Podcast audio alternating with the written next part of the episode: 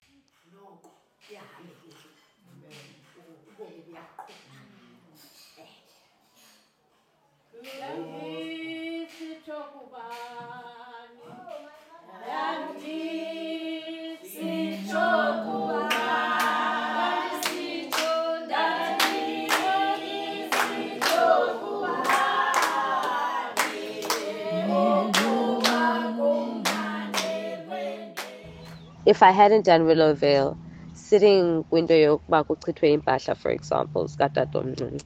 because that was a part of ukukhulula kokuzila kukatatomncinci right is that sichitha neempahla zakhe so seeing those clothes laid out there seeing everybody around in the garage that scene um, and now having come from someone who'd explained some of the more deeper more traditional ideas around how we engage with each other as a people, I could then start to have a better appreciation of the exercise that was unfolding in front of me.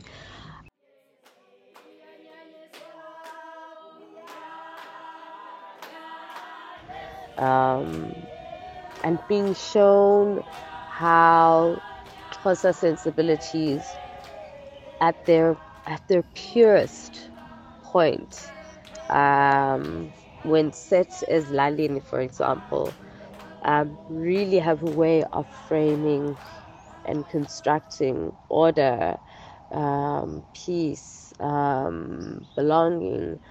um, in such a unique way that that yeah it's it's it's yeah it's great to see especially because yeah, when you live in the city or growing up, I think I've always, I don't know, the Ilali has always been positioned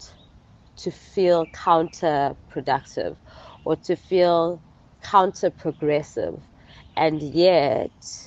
uh, and when I say Ilali, I mean Ilali in the sense of the sensibilities Zelali, Ilali, the way in which people carry themselves, maybe Um, I mean, that stuff, you know, the things that make the everyday of Ilali, they're always made to feel slow and counterproductive to city life.